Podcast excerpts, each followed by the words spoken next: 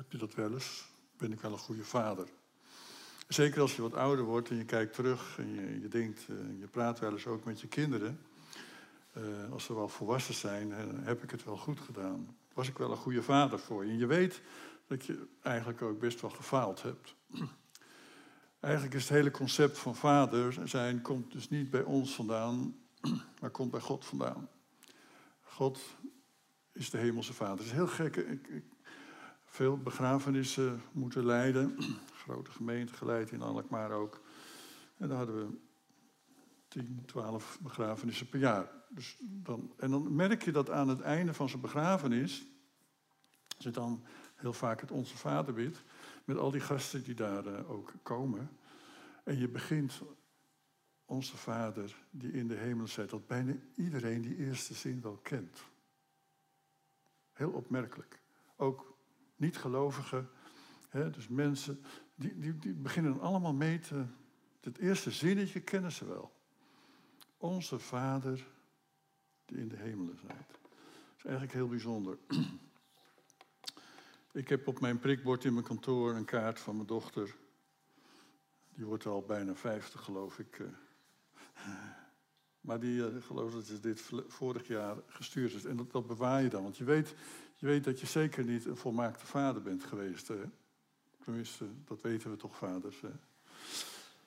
En dat ze dan zo'n kaart schrijven als bijna 50-jarige dochter. Lieve pap, er staat, mijn vader is de allerliefste van allemaal. En dan zegt ze, lieve pap,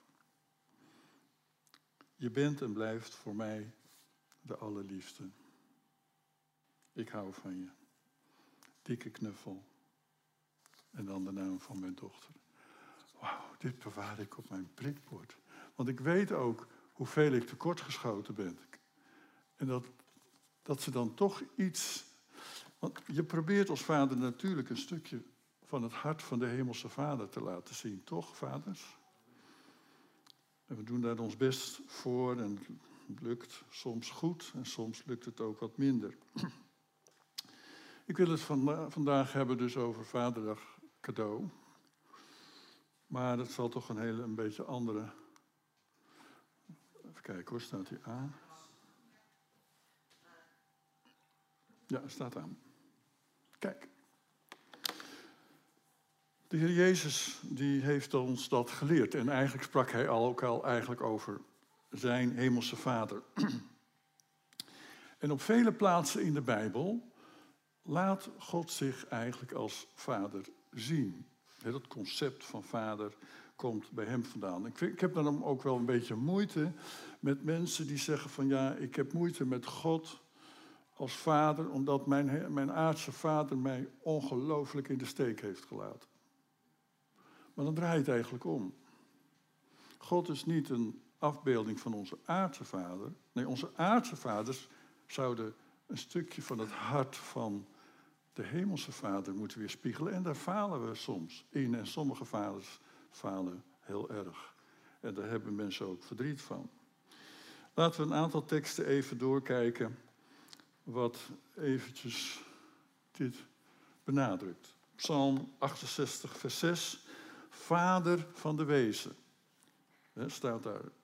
Vader van de wezen. Beschermer van weduwe. God. In zijn heilig verblijf. Psalm 103, ook zo'n prachtige psalm. Die moet, je, die moet je vandaag eens even lezen thuis met z'n allen. Psalm 103 en in vers 13 staat, zoals een vader zich ontfermt over zijn kinderen, zo ontfermt zich de Heer over wie hem vrezen. Is dat niet een geweldige, ook, ja, eigenlijk ook een stukje genezing voor degenen die best wel beschadigd zijn door hun vader in deze wereld? Jesaja 63, vers 16, en dat is eigenlijk een gebed vanuit ballingschap. Daar staat, u bent toch onze vader? Abraham heeft ons niet gekend en Israël zou ons niet herkennen, maar u, Heer, bent onze vader. Van oudsher heet u onze bevrijder. Volgende. Jezus zei, er is iemand onder jullie, is er, is er iemand onder jullie die zijn kind, als het om een brood vraagt, een steen zou geven? Of een slang, als het om een vis vraagt? Als jullie dus slecht als jullie zijn, je kinderen al goede gaven kunnen schenken. Daar doen we ons best voor, toch? Ook vaders. Hoeveel te meer zal jullie volmaakte hemelse vader dan niet het goede geven aan wie hem daarom vragen? Onze hemelse vader is daarin volmaakt. Geweldig, hè? En na de opstanding zei de Heer Jezus, hou me niet vast. Ik ben nog niet opgestegen naar de Vader. Ga naar mijn broeders en zeg tegen hen dat ik opstijg naar mijn Vader, die ook jullie Vader is. Naar mijn God, die ook jullie God is. Volgende plaatje. Dat is mijn vader. Ja, hij zat bij de Heer. Links toen hij 45 was, en rechts toen hij 96 was, het jaar dat hij ook overleed. In zijn slaap. Want hij, uh, hij zag er toch wel een beetje tegenop om naar de Heer te gaan, hoe dat allemaal ging en zo. Dus we hadden ook samen gebeden. Ik was zijn voorganger ook in die tijd. Dus uh, ik zeg, nou, laten we bidden dat het gewoon heel, heel, heel mooi gaat, pa. Eigenlijk bereidt de Heer je elke dag voor op dat gebeuren. Als je ogen dicht doet, s'avonds, dan val je in slaap. En de volgende ochtend word je wakker in een nieuwe dag. Zo gaat het ook. Als je naar de Heer gaat, is het eigenlijk hetzelfde. Hij heeft je hele leven daarop voorbereid. Je doet je ogen dicht en je wordt wakker in een nieuwe dag. Bij de Heer. Zo gaat dat. En dat gebeurde bij hem ook letterlijk zo. Want in zijn slaap ging hij naar de Heer. En mijn moeder had er al voor gebeden eigenlijk. Want die was toen een paar jaar jonger dan hij. En die zei, Wim, ik weet dat jij eerst gaat en dan ik. Want jij kan niet goed voor jezelf zorgen. Ja. Kleinkinderen zijn voor grootouders de kroon op hun leven. Kinderen zijn trots op hun voorouders. Nou, wie was mijn vader? Wat was hij? Wat was zijn karakter? Als je mijn zeven of mijn zes broers en zussen dat zou vragen, vier zijn er vooral bij de Heer, dan zou je ook verschillende beelden horen. Hoe zij dat hebben beleefd en hoe, zij, hoe, hoe vader voor hun was. En zo laat de Bijbel ook de beelden zien van onze hemelse vader op verschillende manieren. En ik wil er vanmorgen maar slechts naar drie kijken, die de verschillende aspecten van het hart van God laten zien. Het vaderhart van God aan ons. En het eerste beeld is een heel bekende uit Genesis 22. En daar gaan we ook even naar lezen. Dat kennen wij natuurlijk, het verhaal van Abraham en Isaac. Zo'n bijzonder beeld eigenlijk van God de Hemelse Vader.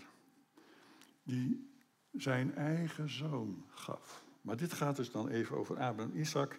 Enige tijd later stelde God Abraham op de proef. Abraham, zei hij, ja ik luister, antwoordde Abraham. Haal je zoon, je enige, van wie je zoveel houdt, Isaac, en ga naar het gebied waarin, waarin de, Moria, de berg Moria ligt. Daar moet je hem offeren op een berg die ik je wijzen zal. De volgende morgen stond Abraham vroeg op. Hij zadelde zijn ezel, nam twee van zijn knechten en zijn zoon Isaac met zich mee, hakte hout voor het offer en ging op weg naar de plaats waarover God had gesproken. Wat een bereidwilligheid van Abraham om te gehoorzamen aan zo'n, ja, toch wel eigenlijk hele moeilijke opdracht. God testte hem. Hij wilde ook getest worden. Want hij wilde gehoorzaam zijn aan God. Getest worden om zijn eigen zoon in geloof eventueel te willen offeren. Isaac, zijn enige zoon, waarop hij eigenlijk zo lang gewacht had, zongen. En toch was één woord van God genoeg voor hem om te zeggen: Ik doe het. Ik wil gehoorzaam worden aan God. En zijn zoon droeg zijn eigen offerhout op zijn schouders. Wat een beeld, hè, eigenlijk hier. We kennen dat allemaal.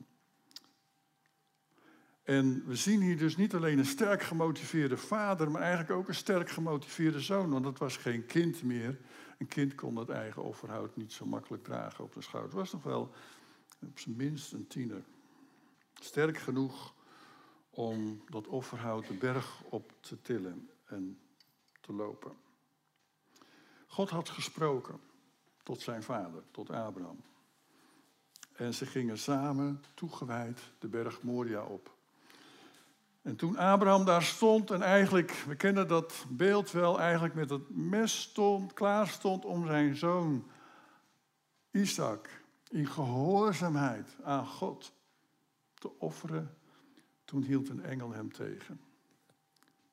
Hij zei, nee, stop, stop. En toen zei de engel, nu weet ik dat je ontzag voor God hebt. Dat was de ultieme test voor Abraham wat zijn vertrouwen betrof in God. Hebben wij vertrouwen in God? Zelfs tot het einde. Ik weet nog wel dat wij 2010 samen op de bank zaten. Corrie had net van de arts gehoord dat zij dus uh, borstkanker had. En we keken elkaar aan zo.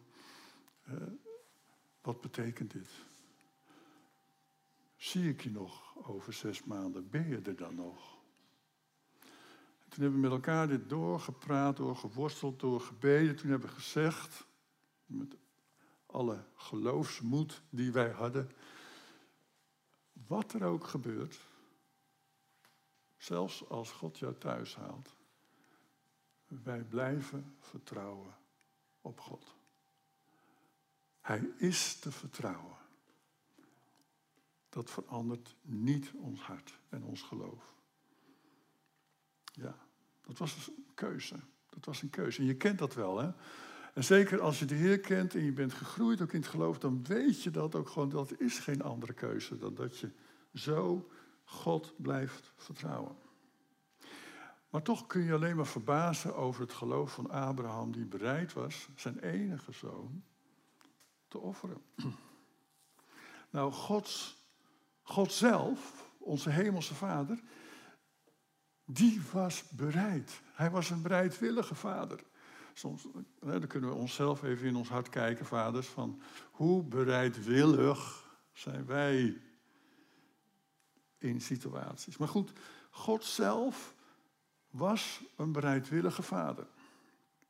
Die in zijn liefde voor ons, want door alles heen, en ik hoop ook door deze hele prediking heen, je iets gaat proeven van die geweldige liefde van God. In zijn liefde voor ons was hij bereid zijn zoon te geven. En was zijn zoon bereid dat offerhout op zijn schouders te nemen en de heuvel van Golgotha te beklimmen. Om daar te sterven voor onze zonden. Abraham die kreeg gelukkig op dat moment een ram om te offeren. Plaatsvervangend voor Isaac. Voor God zelf was er geen plaatsvervanging. Voor God zelf was het ook geen test. Voor Abraham was het een test. Maar voor God was het het, ene, was het enige waar hij voor kon kiezen. Want hij koos voor ons namelijk. Hij koos voor jou en voor mij. En God ging niets uit de weg om, om zijn doel te bereiken. En dat is onze redding, onze verlossing. In de Bijbel staat in Romeinen 3, daar hebben we geen plaatje van. Iedereen heeft gezondigd en ontbeert, dat is dus de MBV 21, en ontbeert de nabijheid van God. Die zal de nabijheid van God missen. Iedereen die gezondigd heeft. En dat gebeurde door de rebellie van, van Adam en Eve, we weten dat wel. Hè? Dat bracht scheiding tussen God en tussen de mens. En tot op de dag van vandaag is de mens niet gestopt met zondigen. En als je misschien iemand weet die dat wel is, heeft gedaan, dan mag je dat aan me vertellen, wil ik graag weten. De enige die niet zondigde was Jezus zelf. De hele mensheid, door alle eeuwen heen, is niet gestopt met zondigen. Ze zijn door blijven zondigen. En het loon van de zonde, zegt de Bijbel, is de dood. Niet alleen de lichamelijke dood, maar ook de eeuwige dood. En dat, dat is eigenlijk verschrikkelijk. Voor eeuwig afgescheiden zijn van God. Wel, toen, toen, toen onze hemelse vader zijn zoon eigenlijk overgaf om dat offer te brengen. Hij stierf aan het kruis op Golgotha, zodat een ieder, jij en ik, die hem gelooft, die hem vertrouwt, eeuwig leven kan ontvangen. Niet meer die eeuwige dood, maar dat dat opgelost wordt. Gods probleem werd opgelost door Jezus. Vergeving. En dat kwam allemaal door die bereidheid van God de Vader. Als je daarover nadenkt en over door blijft denken, denk, vanaf het begin was God bereid om er alles voor te doen. voordat Adam en Eva er zelfs waren. God was bereid, want God kent alle dingen en alle plannen en alle geschiedenis. Hij was bereid om er alles voor te geven om die relatie met die schepping van hem, die kroon van die schepping, die mens, om, die goed te hebben, om die volmaakt te hebben. Wel, een ander beeld van uh, wat we van God de Vader kunnen zien in de Bijbel, dat zie je niet direct, maar je kunt het zien, is dat God eigenlijk ook een een verdrietig God is. We denken wel eens van, ah, God, God die is streng. Ik had een strenge vader, misschien jullie ook, maar ik had een strenge vader. En sommige mensen denken ook, wel, God is streng, een vingertje. Denk erom. Maar God is ook verdrietig. Hij is ook verdrietig. Hij, hij rouwt over wat er mis is gegaan. Als we daarover nadenken, dan kun je ook wel voorstellen dat hij mee kan voelen, mee kan denken met, met ons verdriet. Met onze rouw soms. We gaan naar de geschiedenis van Absalom. Absalom was de zoon van David en die zoon van David wilde ja, eigenlijk de macht grijpen. Hij had een legertje bij elkaar geregeld om zijn vader David van de troon te stoten. En uh, Davids loyale soldaten kregen opdracht van David om de, hen tegen te houden, om te stoppen. En in die strijd werd die zoon van David zelf, Absalom, gedood. En we weten wel door Joab, want Absalom bleef in het gevecht met zijn haren ergens uh, aan de boom hangen en Joab doodde hem met drie speren. En toen moest dat die, die, die, die verdrietige geschiedenis moest verteld worden aan David. Dus er gingen boodschappers naar David. De eerste gaf een beetje vaag, onduidelijk antwoord. Hoe het met zijn zoon ging. En de tweede boodschapper die kwam, die zei het hem recht in zijn gezicht. Je zoon Absalom is dood. En dan lezen we het volgende. lezen jullie hebben het al gelezen. Jammerend trok hij David zich terug in het vertrek boven de poort. Mijn zoon Absalom, mijn zoon, mijn zoon Absalom. Was ik maar dood in plaats van jij. Absalom, mijn zoon, mijn zoon. Kun je, kun je iets voelen van die, oh, dat verdriet wat ja, tot zijn botten ging, dwars door zijn ziel ging, dat zijn eigen zoon gestorven was. Zijn hart was gebroken. Misschien herinnerde hij dat jochie nog, dat kleintje nog, dat hij uh, op zijn schoot uh, paardje reed. Dat doen we allemaal. Met de kinderen, de kleinkinderen het nog steeds leuk. Hè. Misschien herinneren we nog wel die tiener waar we zo leuk mee konden stoeien en gekkigheid mee konden uh, uithalen. Misschien herinneren we, herinnerde hij wel die jongen die dan opgroeide tot een volwassen vent. Zijn vlees, zijn bloed, zijn kind. En ik denk dat echte vaders, als het gaat over hun kinderen, altijd ja, heel gevoelig zijn soms. En zeker, ja, ik mag het wel even stiekem zeggen, zeker als het je dochter betreft. Ik weet nog wel dat wij, uh, onze oudste dochter, die was 15, was dus, uh, ik had het net erover dat ze bijna 50 was, dus 35 jaar geleden. Die kwam haar eerste vriendje meenemen van school. En die, uh, die kwam dus aan de deur. Dus ik, hè, ja pa, ik heb een vriendje, hij stond nog buiten. Ja, dan heb je precies het hart van de vader. Die zegt, dus ik stond daar. Ik zeg, joh, kom je hier doen? Ik dacht, wegwezen, blijf van mijn dochter af. En misschien niet heb dat minder met, met zoons, maar in ieder geval met dochters, hè, vaders. Van, uh, ja, uh, ik ben haar hier om haar te beschermen. Afblijven. Wat kom je hier doen? Ja, vaders houden van kinderen. God onze Vader is niet blij met zonde. Dat weten we. Hij is een heilig God. Hij verlogent zijn eigen heiligheid niet. God onze Vader is ook niet blij met de dingen die niet goed gaan. Hij is niet blij met het kwaad. Hij is niet blij met onze, ja, met onze fouten en tekorten. Hij houdt van ons.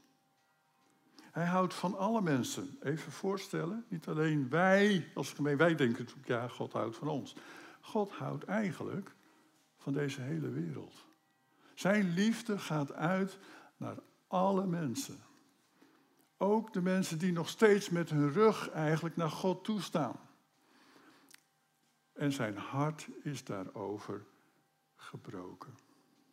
Kun je iets van de liefde van God voelen en ervaren? Zijn hart is nog steeds gebroken.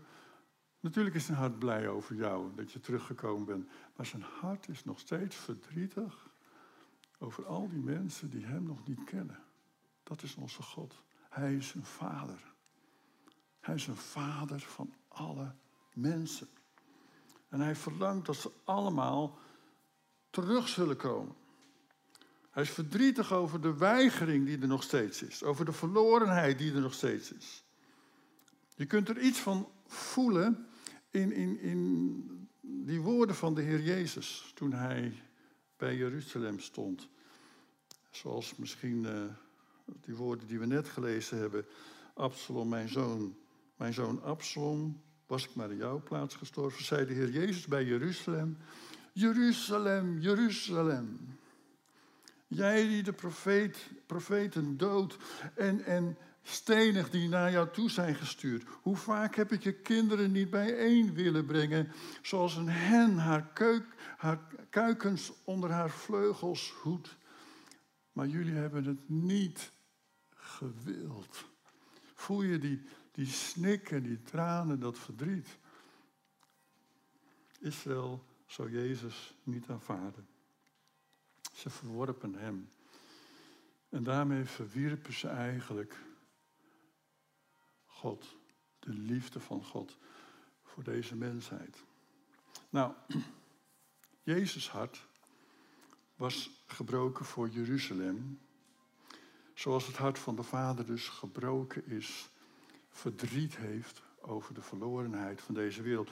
En dan begrijp je ook wel dat als wij die, die, die boodschappers mogen zijn, als wij die opdracht hebben gekregen om de liefde van God te verspreiden, dat dat ook gemotiveerd wordt vanuit die geweldige liefde, vanuit dat hart van onze Hemelse Vader.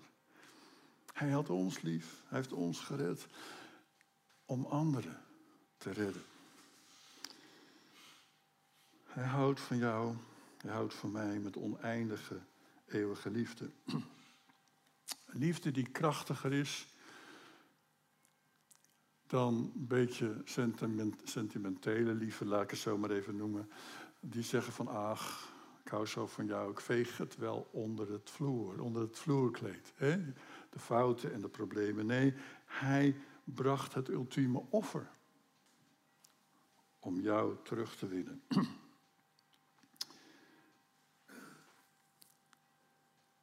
Hij kijkt naar deze verlorenheid van de wereld dus met tranen in zijn ogen. En hij wacht daarop met geduld. Daar gaan we zo meteen over hebben.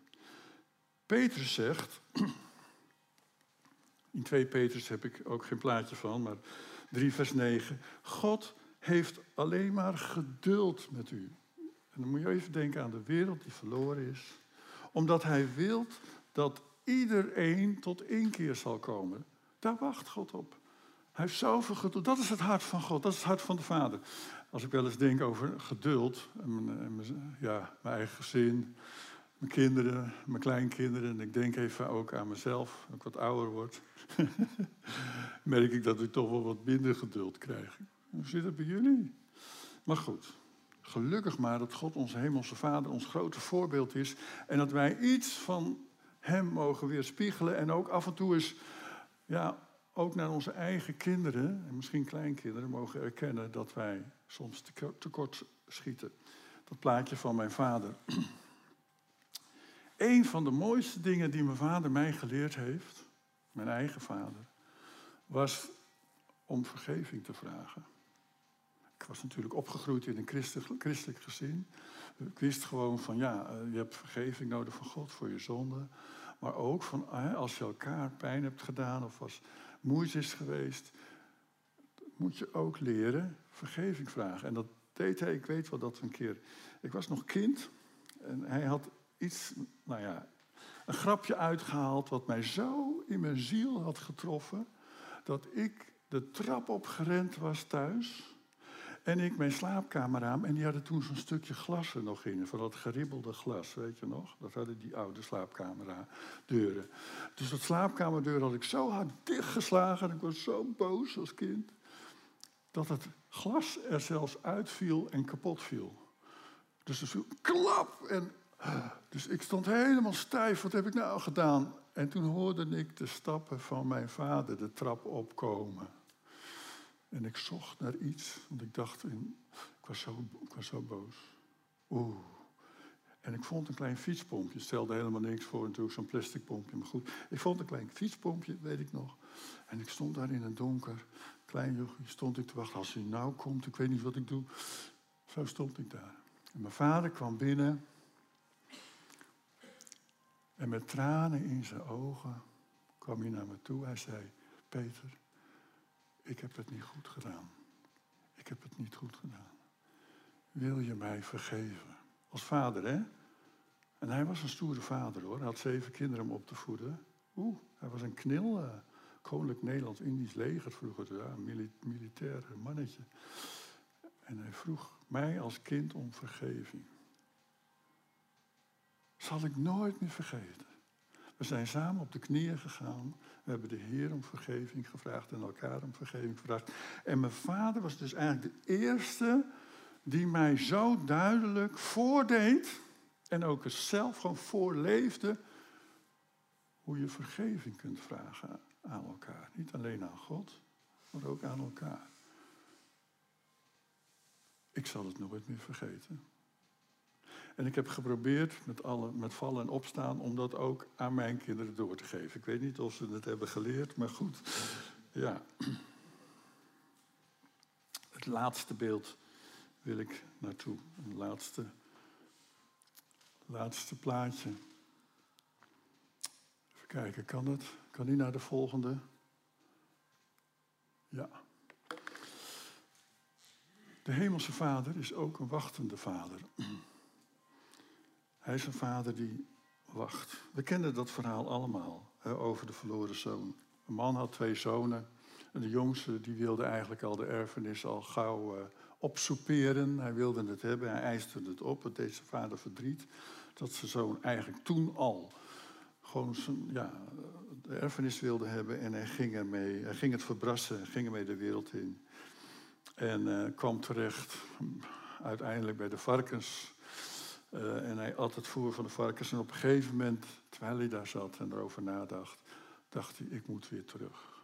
Ik moet weer terug naar de vader. En dan zou ik waarschijnlijk alleen maar gewoon zijn slaaf kunnen zijn. Dan is dat al beter dan dat ik hier bij de varkens zit. En terwijl hij terugkeren en dichterbij komt, ziet hij zijn vader daar op hem wachten. Die hem omhelste, die hem welkom heette, die hem hukte. En die hem welkom heette als zijn kind, mijn zoon, mijn zoon. En hij kon zeggen, mijn vader. Ik lees, hij vertrok meteen, ging op weg naar zijn vader. Zijn vader zag hem in de verte al aankomen. Hij kreeg medelijden, rende zijn zoon op zijn zoon af, viel hem om de hals, kuste hem. Vader, zei zijn zoon tegen hem. Ik heb gezondigd tegen de hemel, tegen u. Ik ben het niet meer waard uw zoon genoemd te worden. Maar de vader zei tegen zijn knechten: Haal vlug het mooiste gewaad, trek het hem aan. Doe hem een ring aan zijn vinger, geef hem sandalen.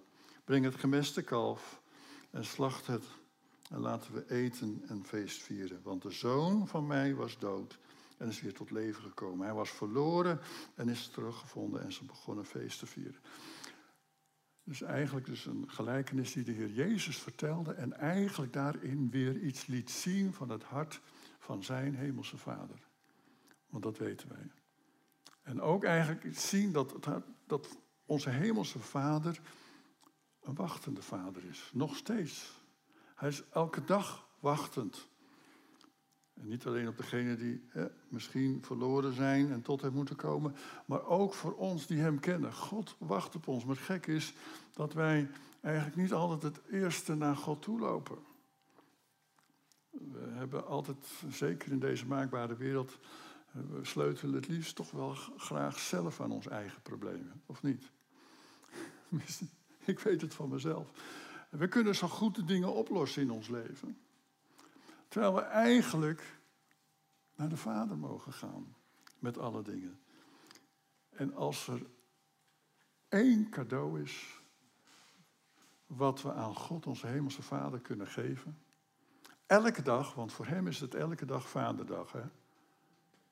Voor ons één keer per jaar. Maar voor Hem is het elke dag Vaderdag. Maar het mooiste cadeau wat we Hem kunnen geven is dat we naar Hem toe komen. Dat we naar Hem toe komen. Het mooiste ook, dat merk ik zelf, hè, als mijn, mijn kinderen zijn volwassen, kleinkinderen ook al volwassen, twee dochters die studeren, eh, kleindochters die studeren en zo. Het, het, is zo mooi als ze naar je toe komen en zeggen dan, in dit geval dan opa, maar uh, als mijn, mijn kinderen dan, papa, vader, ik heb je nodig. Nou weet je, dan ben ik bereid om gelijk al mijn bankpassen aan ze te geven. Al plunderen ze me helemaal. Maar dat verlangt een vader. Toch? Vaders, wees eens eerlijk. Nou, we zijn wel eens streng. Maar als het erop aankomt, als er echt nood is, dan zijn we er. Toch? En dat is ook het hart van onze hemelse vader. En vaders, daar kunnen we ook nog wel een klein beetje van weerspiegelen, toch? Amen. Ja, die bankpassen. Geef ze dan niet de pin, maar pincode. Maar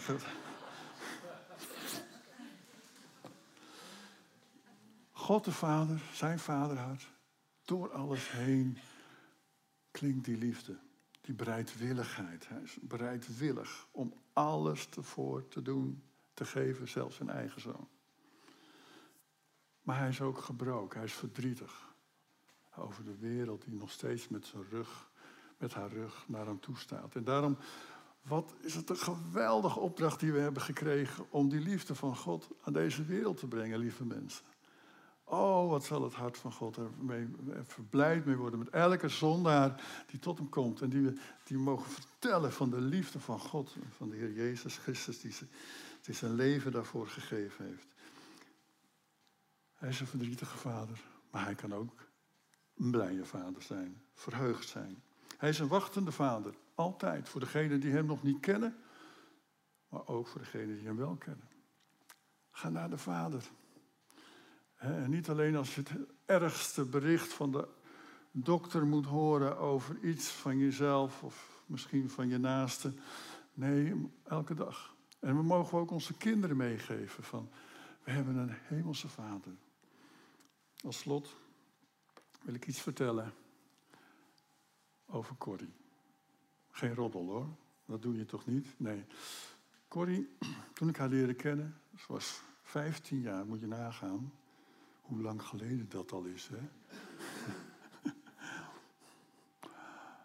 We hadden dat laatst uitgerekend. We kennen elkaar al 57 jaar. Maar goed, ze was 15 jaar en ik uh, had wel een oogje op haar. Ik kwam dus voor het eerst bij hun thuis, in Horen. We elkaar op een Pinkster jeugdkamp ontmoet. En zij had daar haar hart aan de Heer gegeven. En uh, ik kwam dus bij thuis. En ik moest wel even slikken, ik moest er even aan wennen om de situatie bij Corrie thuis te zien. Want ja, klein huisje. Er zaten zusjes, twee zusjes, een broertje. Drie zusjes en een broertje. Maar haar vader zat in een rolstoel.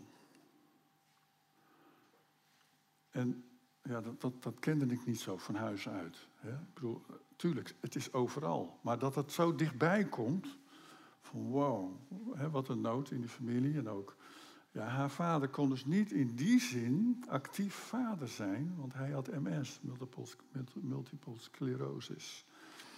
En had hij al heel lang. En de kinderen moesten een klein beetje voor zichzelf zorgen, want een aangepaste woning was er niet en de zorg was er eigenlijk ook niet. Dus de kinderen werden aan hun lot overgelaten, een klein beetje. Zo van, nou ja, hè, toen ze haar been brak, liep ze gewoon zelf naar het ziekenhuis met een gebroken been. En kwam ze even later gewoon met de gips thuis, waarvan haar moeder zei van, wat heb jij nou? Ja, omdat die aandacht was zo nodig voor die vader, dat de vader die ze eigenlijk had kunnen hebben zoals wij die kennen in ons leven, had ze eigenlijk niet gehad. Maar Corrie heeft een getuigenis, ik zou het eigenlijk zelf moeten geven, maar goed. Toen ik tot bekering kwam in dat kamp en de hemelse vader leerde kennen, vulde die hemelse vader dat gat in mijn ziel in, wat ik eigenlijk tekort was gekomen thuis. Door omstandigheden. Wat een getuigenis. Die hemelse vader loste eigenlijk datgene op wat die aardse vader niet kon geven. Nou, zijn er sommigen van ons die, zijn, die hebben best wel een deuk opgelopen in hun leven. Als het gaat over aardse vaders. En ik besef mezelf ook wel. Hè, zeker mijn vader was ook af en toe een moeilijke vader. En toch was hij een liefdevolle vader, absoluut. Ik heb hem misschien anders gekend weer dan mijn broers en zussen hem gekend hebben. Maar hij is toch een hele bijzondere, liefdevolle vader. Onze hemelse vader is iets wat ja, zo bijzonder is. En wij als aardse vaders kunnen alleen maar naar hem wijzen. En ook aan hem vragen, Heer, is Vaderdag vandaag. Ik heb misschien een cadeautje gekregen. Maar het grootste cadeau vandaag is toch wel dat wij u mogen kennen, dat we naar u toe kunnen gaan. Want u bent altijd bereid, u bent altijd geduldig, u bent altijd liefdevol. U heeft alles gegeven om ons te winnen. Help mij, Heer, om een beter vader te zijn voor mijn kinderen. Om genadevol te kunnen zijn zoals u genadevol was. Om liefdevol te kunnen zijn op momenten dat het misschien uh, anders even is thuis, maar om toch die liefde van God, mijn hemelse Vader, te laten zien. Lieve mensen, degenen die ook beschadigd zijn in hun leven vanwege een vader die misschien niet zo was zoals je had gedroomd of als je had verwacht. De hemelse Vader kan dat gat kan in jouw ziel totaal herstellen en genezen. Want uiteindelijk is Hij de volmaakte. Amen. Zo'n moment onze hoofd te buigen. En ik wil een uitnodiging doen. We hoeven niet daarna hier naar voren te komen. Ik wil wel een uitnodiging als van Peter biedt. Ik wil even ook aan de Heer laten zien dat ik, ja, dat ik, ik die liefde van de Hemels Vader nodig heb. Ik wil naar Hem toe komen. Ik wil dat Vaderdags cadeautje aan Hem nu geven van mijn hart. Ik wil naar Hem toe komen. Zullen we onze hoofden buigen? En als je zo iemand bent en aangesproken voelt door dit woord vanmorgen. Of als je een vader bent vanmorgen en zegt van, oh, ik heb, ik heb het hier en daar niet goed gedaan. Ik heb, ik heb meer van het vaderhart van God nodig. Wil je even je hand laten zien aan mij? Dan gaan we zo samen bidden. Ja, dankjewel. Dankjewel. Ik zie gewoon zoveel handen omhoog. En ook handen van moeders en vrouwen die misschien ook in een ziel een kras hebben gekregen in hun leven. O Heer Jezus, dank u. U bent in ons midden. U heeft het offer gebracht, Heer. U met de Vader heeft het plan gemaakt om deze mensheid te redden van die ellende van de zonde. Van die ellende van het gescheiden zijn van u. Dank u wel daarvoor. Dank u wel, Vader, dat u bereid was om alles daarvoor te geven. Zelfs uw eigen zoon. Heer, en we kunnen het gewoon niet bevatten, want de Bijbel staat nog zoveel voller met allerlei beelden van hoe u bent en uw hart, Hemelse Vader. En wij als vaders, op deze Vaderdag, Heer, mogen ook in ons eigen hart kijken en zeggen van Heer, maak mij meer naar uw beeld. Heer, help mij om, om, om uw vaderhart te weerspiegelen naar mijn gezin, naar mijn vrouw, naar mijn kinderen. Heer, en niet alleen vandaag, maar gewoon elke dag opnieuw. En elke dag mag het Vaderdag zijn. Elke dag mogen we naar U gaan, Hemelse Vader, met alles wat ons dwars zit en waar wij mee zitten. Heer, en zelfs al is het financiële nood, U bent in staat om te antwoorden en ons te helpen. Heer, ook in die omstandigheid. Zo bidden wij in Jezus' naam. Amen.